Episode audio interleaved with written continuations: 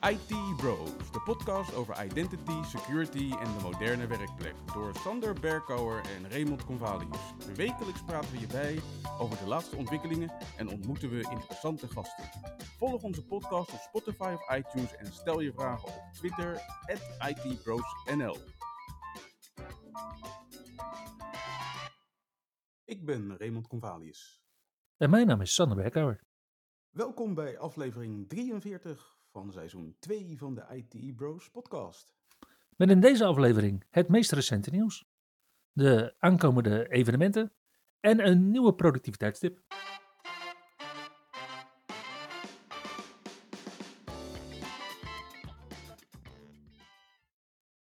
Hey Ray, vorige week eh, zagen we Panos Panay on stage bij Ignite.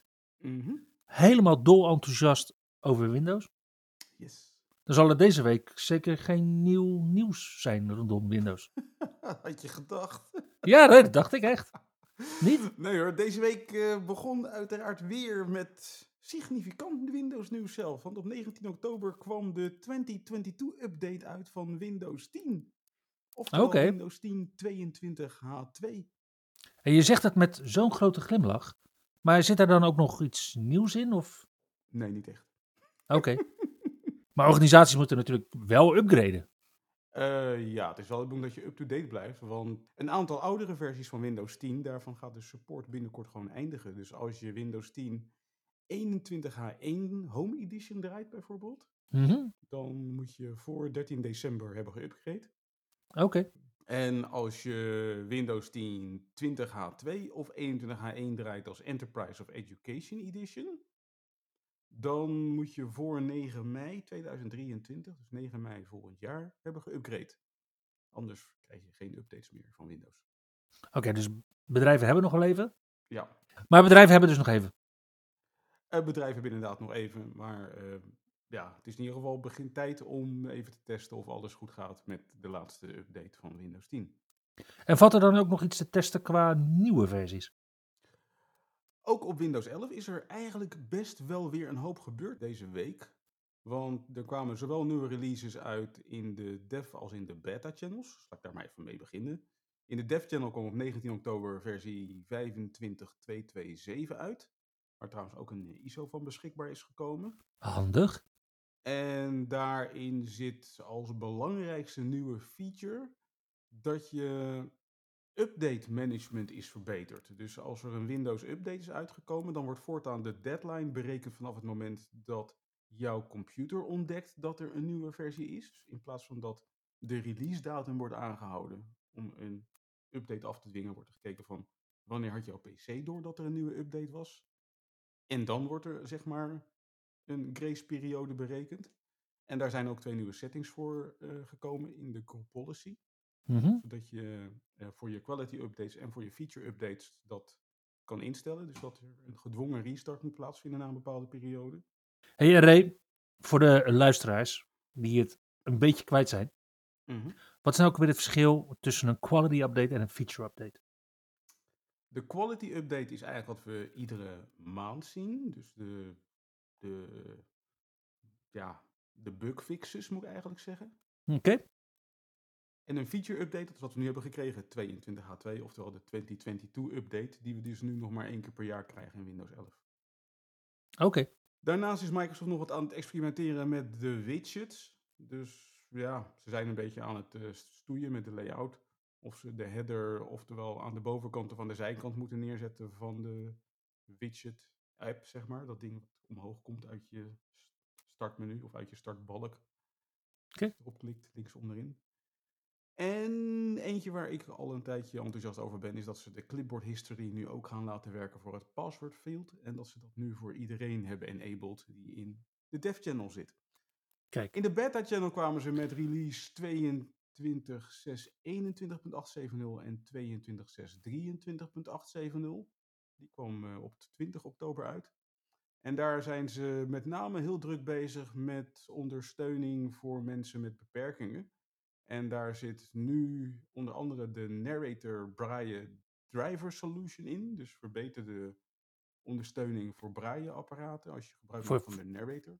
Ja, voor brailleregels. Ja. En als je die gaat gebruiken, die vernieuwde Braille Driver Solution, dan moet je wel eerst de oude Narrator Current, de, eigenlijk de Current Narrator Braille Support moet je uninstallen. Die zit bij de installed features.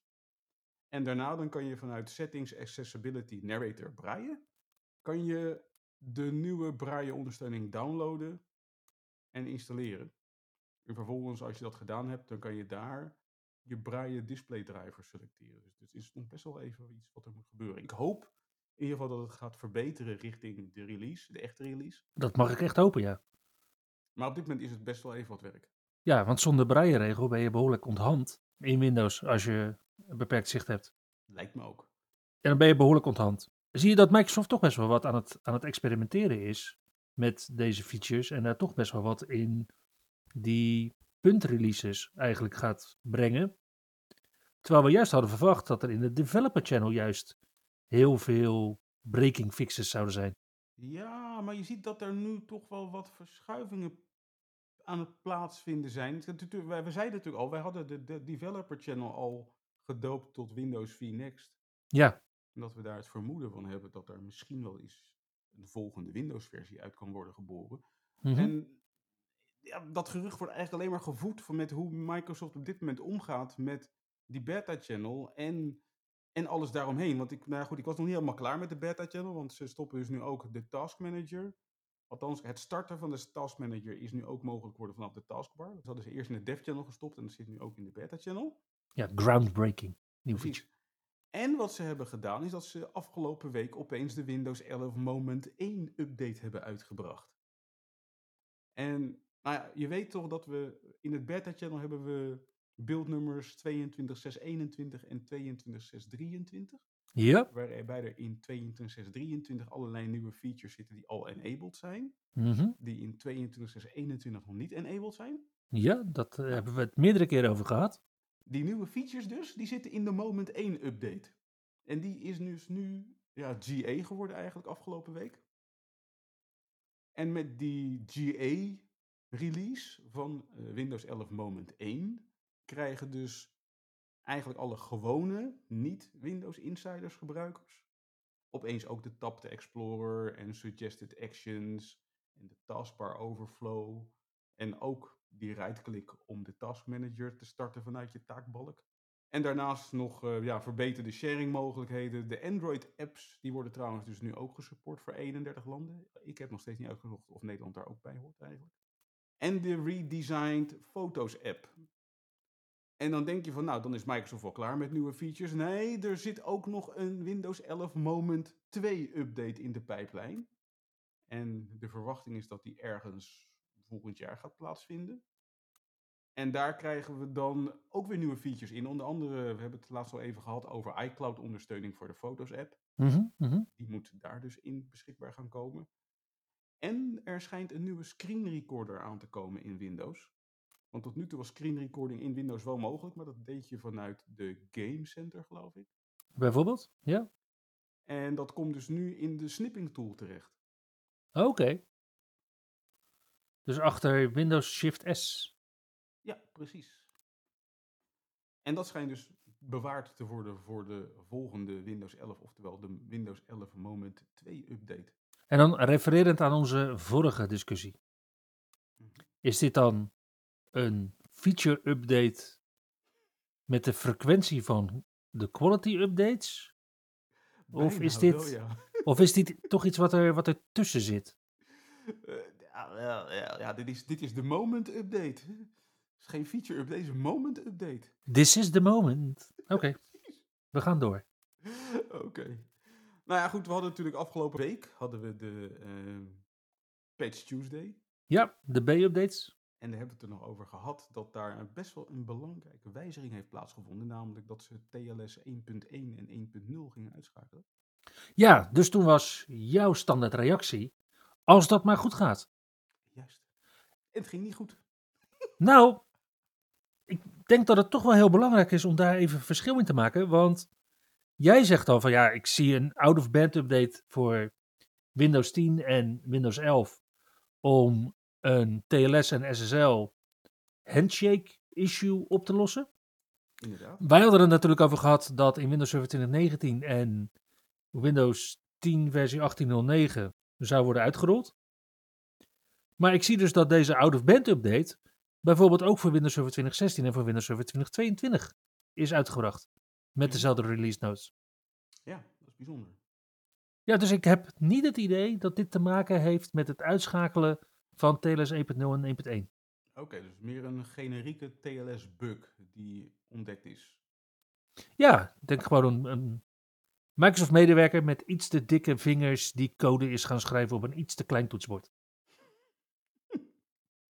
Kan ook nog inderdaad. Maar in ieder geval een belangrijke out-of-band update voor die mensen die problemen hebben met TLS en SSL.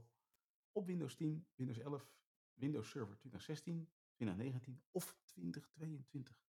Yes.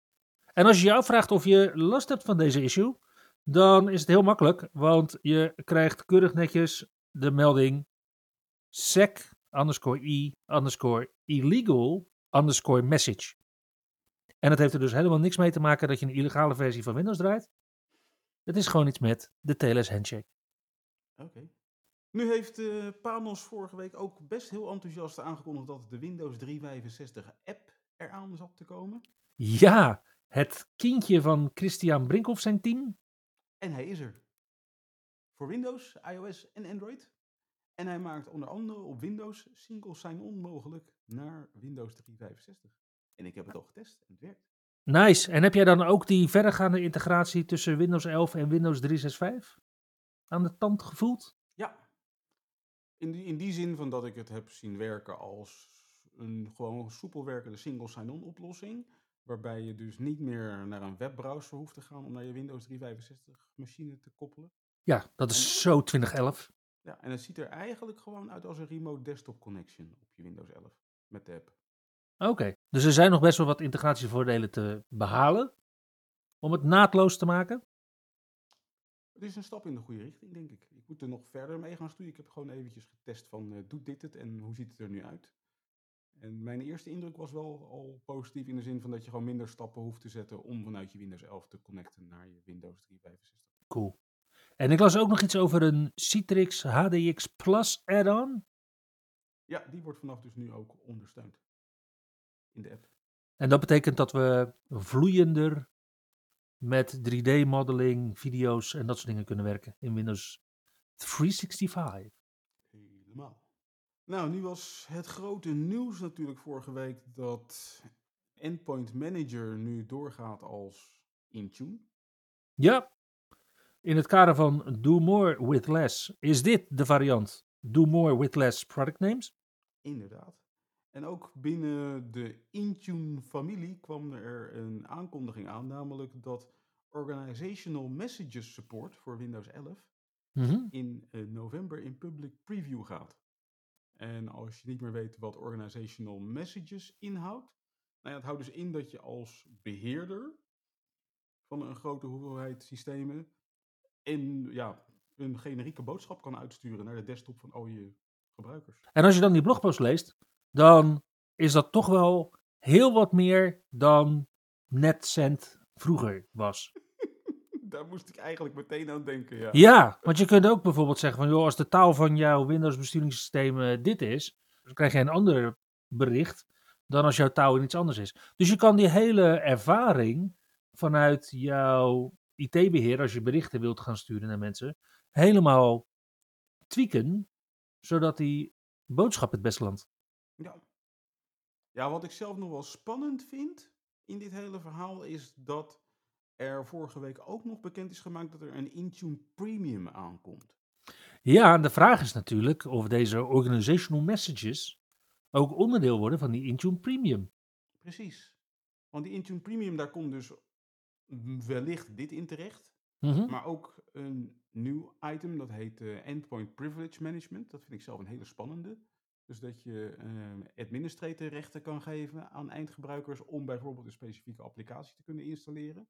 Een applicatie kun je allowlisten om alsnog gebruik te kunnen maken van administrator privileges. Ja, precies. Maar ook bijvoorbeeld Remote Help. Dat is ook zoiets wat ze niet zo lang geleden hebben geïntroduceerd tegen een premium prijs. Die best wel fors was. Die schijnt Yes. onderdeel te worden van Intune Premium. En dan is remote help voor Windows en voor Android. En dan ook nog eens een keertje met integratie voor ServiceNow. Ja, en jij zegt een prijs die heftig was, maar dan refereer je gewoon naar de inflatie. nou, de meerprijs die er betaald moest worden voor remote help. Ja, vanuit de community kwamen er toch echt wel berichten terug van nou, als remote help dit moet gaan kosten, dan is het duurder dan heel veel andere remote assistance oplossingen zoals die Mhm. in gebruik zijn. Mhm. En begonnen mensen zich af te vragen of de, het dan de integratie met Intune, zeg maar, zo'n hoog prijskaartje wel vertegenwoordigde. En daarmee heb je nog niet eens alle Intune Premium functionaliteit gehad. Want eh, er zit ook nog een eh, tunneling oplossing in voor, eh, voor je mobiele apparaten. En geavanceerde endpoint analytics. En dat kan natuurlijk wel prettig zijn om gewoon beter zicht te krijgen op wat zich afspeelt binnen je apparaten. Oh ja, en de laatste, die was nog helemaal vergeten. Namelijk, er komt een, een MAM-oplossing aan voor Windows.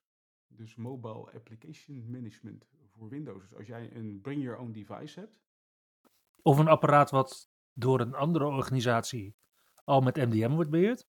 precies, dan kan je dus eh, applicaties op dat apparaat beheerd krijgen vanuit je enterprise.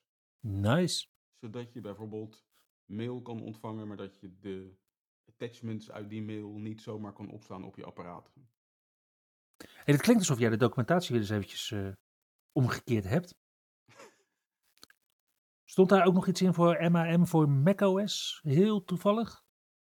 kan ik me niet herinneren. Maar Microsoft heeft wel aangekondigd dat die Intune Premium na de release, die trouwens waarschijnlijk volgend jaar maart gaat plaatsvinden, Mhm. eh, gaat worden uitgebreid. Dus wellicht dat een MAM voor macOS daar ook onderdeel van wordt. Ja, wellicht dat dat afhankelijk is van macOS 13. Voordat dat mogelijk is. Ja. Het zou best wel kunnen dat dat een stuk van de timing verklaart van, eh, van functionaliteit. Nou ja, er zit wat in. Nou, vorig jaar, vorige week op Ignite hebben ze ook nog iets aangekondigd voor Edge. Het voelt als vorig jaar, hè? heb, heb, jij, heb jij zoveel jetlag, Ray? Jeetje. Ja, ja, die jetlag heeft wel toegeslagen afgelopen week. maar goed, op Ignite hebben ze het ook nog Maar over- goed, vorig jaar tijdens Ignite. Ja? Gaan we het nou weer over OneNote hebben? Nee, nee, nee. nee, nee. We drie jaar geleden op Ignite? We gaan het hebben over Edge. Oké. Op Ignite hebben ze namelijk Edge Workspaces aangekondigd. En Edge Workspaces, dat, ik heb het zelf nog niet in een demo gezien, maar wat ik heb gelezen is dat het erover gaat dat je als groep, zeg maar bijvoorbeeld een groep tabbladen kan samenstellen, Mhm. die je dan met elkaar gaat delen in je eigen Edge-sessies. Zodat je vervolgens die groep tabbladen met elkaar kan delen en daar ook weer binnen kan samenwerken. Dus eh, ja, een belangrijke eh, samenwerkingsoptie in Edge. Waar, waar zou je die nou voor kunnen gebruiken, die feature? Wat, zie- wat, zie- wat zie jij nou als, als use case? Hiervoor. Wat zie jij als gebruiksvoorbeeld, Ray? Wat is nou zo'n Nou- typische applicatie? Want in Office-bestanden op SharePoint kunnen we natuurlijk al samenwerken. Ja, ja, maar goed, dat is dan zeg maar samenwerken in specifieke documenten. Maar het kan bijvoorbeeld Mhm. ook zo zijn dat je, ik bedoel, stel wij doen deze podcast. Dan hebben wij allebei hebben we een pagina open met Zencaster. We hebben allebei Mhm. een pagina open met OneNote. En misschien ook nog een pagina met een of andere RSS-feed. Stel dat we die zouden hebben. Ja, Dan zouden wij dus samen in een Edge Workspace die drie tabbladen kunnen delen met elkaar. ja, voor OneNote is dat niet heel spannend. Want daar kunnen we namelijk al in samenwerken. Dat is de reden waarom we het gebruiken. In Zencaster willen we natuurlijk apart opnemen. Dus dat is denk ik ook niet heel handig. Of gaat het wel apart qua sessie? Nee, nee, maar wij hebben dan dus allebei Edge open in Mhm. die workspace, waardoor wij alle twee diezelfde drie tabbladen open hebben naar diezelfde drie pagina's. En omdat wij in die workspace zitten, dan kan ik bijvoorbeeld ergens nog een interessante pagina hebben. Dan open ik die erbij en dan krijg jij ook die pagina erbij te zien. Dus het is eigenlijk gewoon het airdroppen van Edge-pagina's. Soort van. Maar dan, Eh, en- dat moet toch iets groters achter zitten? waarom? Als je het mij vraagt, wat ik heb gelezen, is het gewoon zo van... Ik open een aantal tabbladen en jij ziet diezelfde geopende tabbladen, zodat jij naar dezelfde Edge tabbladen zit te kijken als ik. Ik heb niet het idee dat ik naar dezelfde Edge tabbladen wil kijken dat jij kijkt. En ik weet heel zeker dat jij niet naar dezelfde Edge tabbladen wil kijken waar ik naar kijk. Maar goed, we gaan binnenkort maar eens even spelen met de Edge Workspaces. Verder waren er nog wat andere aankondigingen voor Edge eh, op Ignite, namelijk eh, de Enhanced Security Mode. Maar volgens mij hebben we het daar alles over gehad, waarbij eh, just-in-time compilatie wordt uitgezet. Mhm. Als beveiliging tegen geheugengerelateerde kwetsbaarheden. En live captions voor video vanuit de browser. Dus dat je niet meer voor je ondertiteling afhankelijk bent van bijvoorbeeld YouTube. Mhm. Maar dat Edge gewoon de ondertiteling gaat leveren voor video. Oké. En dat is natuurlijk weer echt zo'n accessibility feature. Ja. Nou ja, goed, en de verbeterde narrator-integratie, dat valt ook binnen het kader natuurlijk. En dit is in Edge 106, 107. Ik heb de versienummers hier niet bijgenoteerd, maar ja, Microsoft is wel bezig om dit soort dingen voor de volgende versies van Edge klaar te stomen. Oké.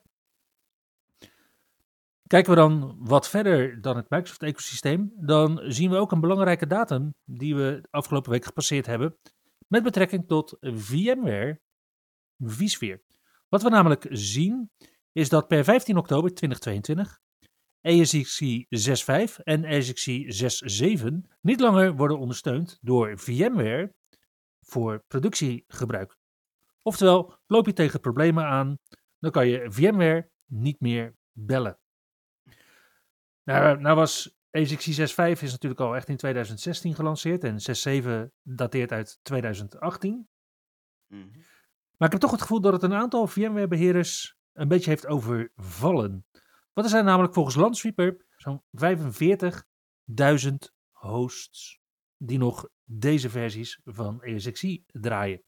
Oh. Ik kan me toch ook niet aan de indruk onttrekken dat dat door het gehannes komt van VMware rond versie 7.0. Dat gevoel heb ik ook. Men wacht. En men denkt dat het nog niet nodig is om te upgraden. Ja, en ondertussen draait dus maar 1 op de 4 ESXi-servers op een ondersteunde versie. Auw. Ik denk dat dit de aandacht heeft van een heleboel hackers. Ja, ik denk dat dit best wel eens potentieel een groot probleem kan worden. Dus beheer jij VMware Spillable en zit je nog op ESXi 6.5 of ESXi 6.7? Upgrade dan je Spillable, zodat het ook jouw Spillable blijft.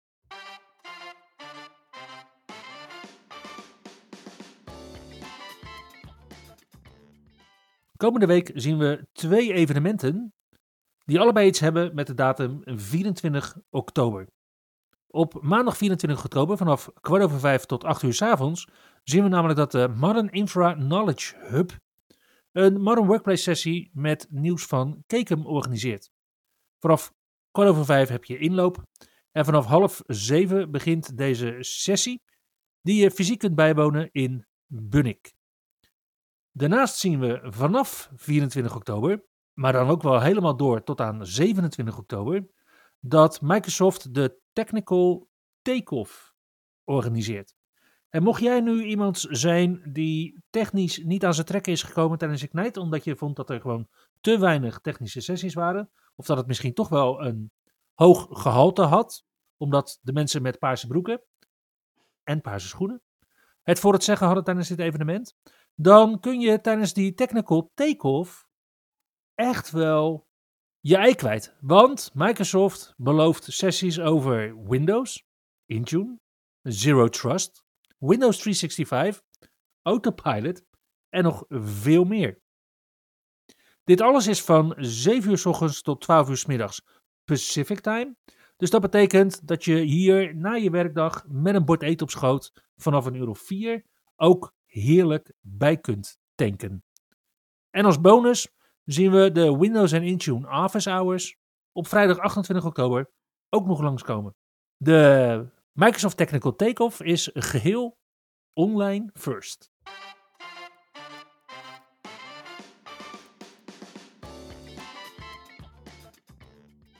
Hey Ray, hoe kan ik eh, volgens jou nou deze week het beste mijn productiviteit verder verhogen?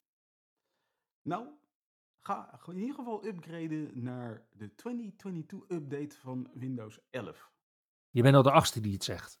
Ja, nou, daar zitten namelijk ook allerlei hidden gems in. En een van die hidden gems is uh, onlangs weer eens getweet door uh, onze bron van productiviteitstips, namelijk Jen Gentleman. Mm -hmm. Die liet zien dat in de quick settings van Windows 11, dus dat is dat icoontje waar je netwerk en je speakertje zit rechtsonder in beeld.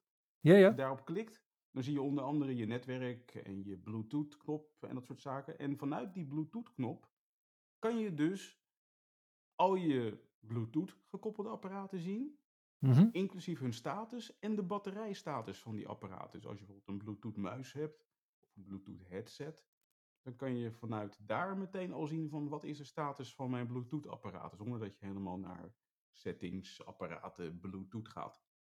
En waar moet ik dan specifiek op klikken in de quick settings? In de quick settings op dat pijltje naast het Bluetooth teken. Dat pijltje naast het wifi teken had ik al gevonden. Daarmee kan je namelijk heel snel inderdaad al een wifi-netwerk uh, kiezen. Ja. Dat doe ik op iOS ook, weet je wel. Als je daar iets doet met wifi, kun je inderdaad de wifi langer vasthouden. En dan kun je zeggen van, nou, doe maar mijn personal hotspot bijvoorbeeld aanzetten. Mm -hmm. Dat had ik al intuïtief gevonden.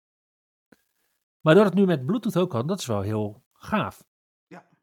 Ja, sowieso vind ik die quick settings wel goed uitgedacht. En er zitten gewoon dingetjes in waarvan je je nauwelijks realiseert dat het allemaal handiger werkt. Want daar zit dus ook bijvoorbeeld je volumeregelaar. Mm -hmm. En naast die volumeregelaar zit ook zo'n icoontje met een speaker.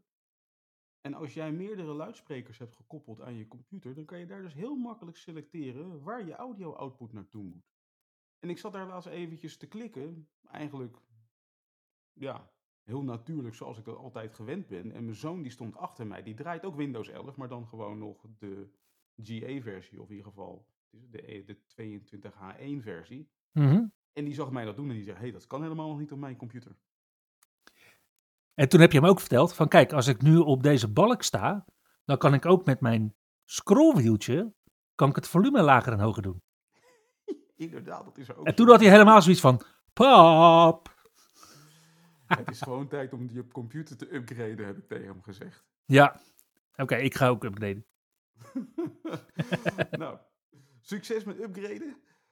Want daarmee komen we aan het einde van aflevering 43 van seizoen 2 van de IT Bros podcast. Ben ik er volgende week niet bij, dan is mijn upgrade dus gefaald. Maar anders zien we je dan. Dankjewel voor het luisteren en tot de volgende keer. Je luisterde naar IT Bros, de wekelijkse podcast over identity, security en de moderne werkplek. Abonneer je op Spotify, iTunes of Google Podcast als je de volgende aflevering niet wilt missen. Heb je hints of tips? Laat dan van je horen op Twitter. @itbrosnl. Tot de volgende keer.